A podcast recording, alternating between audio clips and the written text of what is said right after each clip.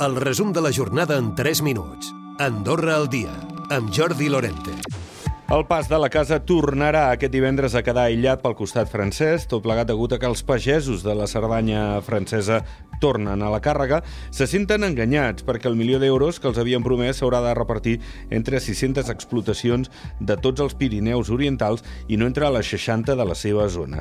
Cristian Tallant és porteva dels pagesos i ramaders de la Cerdanya francesa. Tenim uh, un segur que ens ha de pagar uh, de, la, de la sequera que hem tingut i no paguen. I el govern no, no diu res, no fa cap comunicació i això no és possible. I ara tornaran demà al matí, tothom està s'organitzant a cada casa, a cada finca i, i demà al matí els tractors tornaran a ser ja fins que el govern francès entengui que hi ha una cosa que falla. Les obres del vial de la Massana s'han iniciat amb la neteja de la zona on es començarà a construir.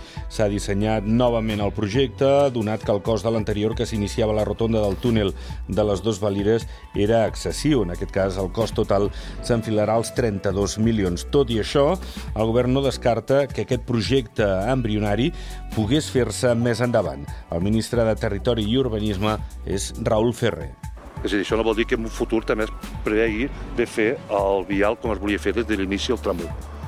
Per això s'ha quedat, el projecte està fet, els terrenys estan firmats només per poder fer l'obra sense cap mena de problema, que potser es farà d'aquí 7, 6, 8 anys, no ho sé, però sempre hi ha la possibilitat també de fer aquest tram.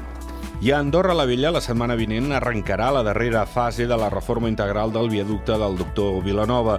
S'instal·laran 42 vigues de grans dimensions que sustentaran el vial. La col·locació requereix una operativa molt específica i complexa mitjançant una grua de grans dimensions capaç de suportar grans quantitats de pes.